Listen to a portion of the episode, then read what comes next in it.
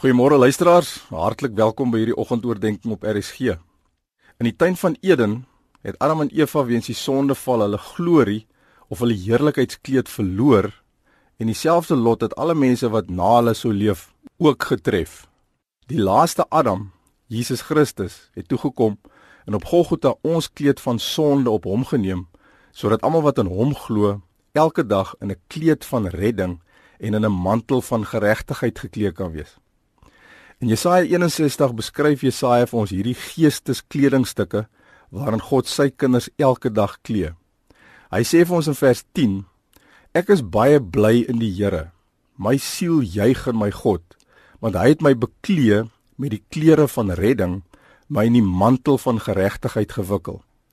En in die tweede gedeelte van hierdie vers gaan hy dan voort en konnekteer hierdie twee kledingstukke met 'n bruid en 'n bruidegom se klere op hulle troudag. Hy sê soos 'n bruidegom wat priesterlik die hoofversiersel ombind en soos 'n bruid wat haar versier met haar juwele.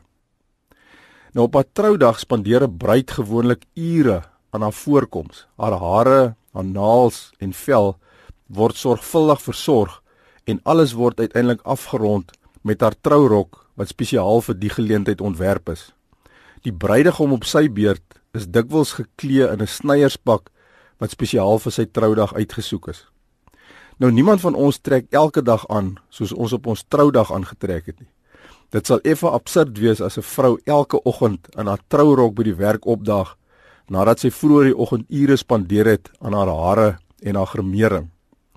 Maar interessant genoeg, wanneer Jesaja vir ons beskryf hoe ons in God se oë lyk, het ons elke dag ons trouklere aan.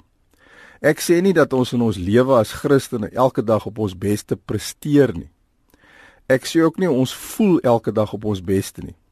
Wat Jesaja wel vir ons sê, is dat ons vir God elke dag op ons beste lyk, omdat hy ons geklee het met twee uitsonderlike geesteskledingstukke, met die kleed van redding en met die mantel van geregtigheid. U sien, op Golgotha het Jesus ons sonde kleed op hom geneem sodat ons kon word die geregtigheid van God in Christus. En daar is hy gestraf sodat ons vrygespreek kon word.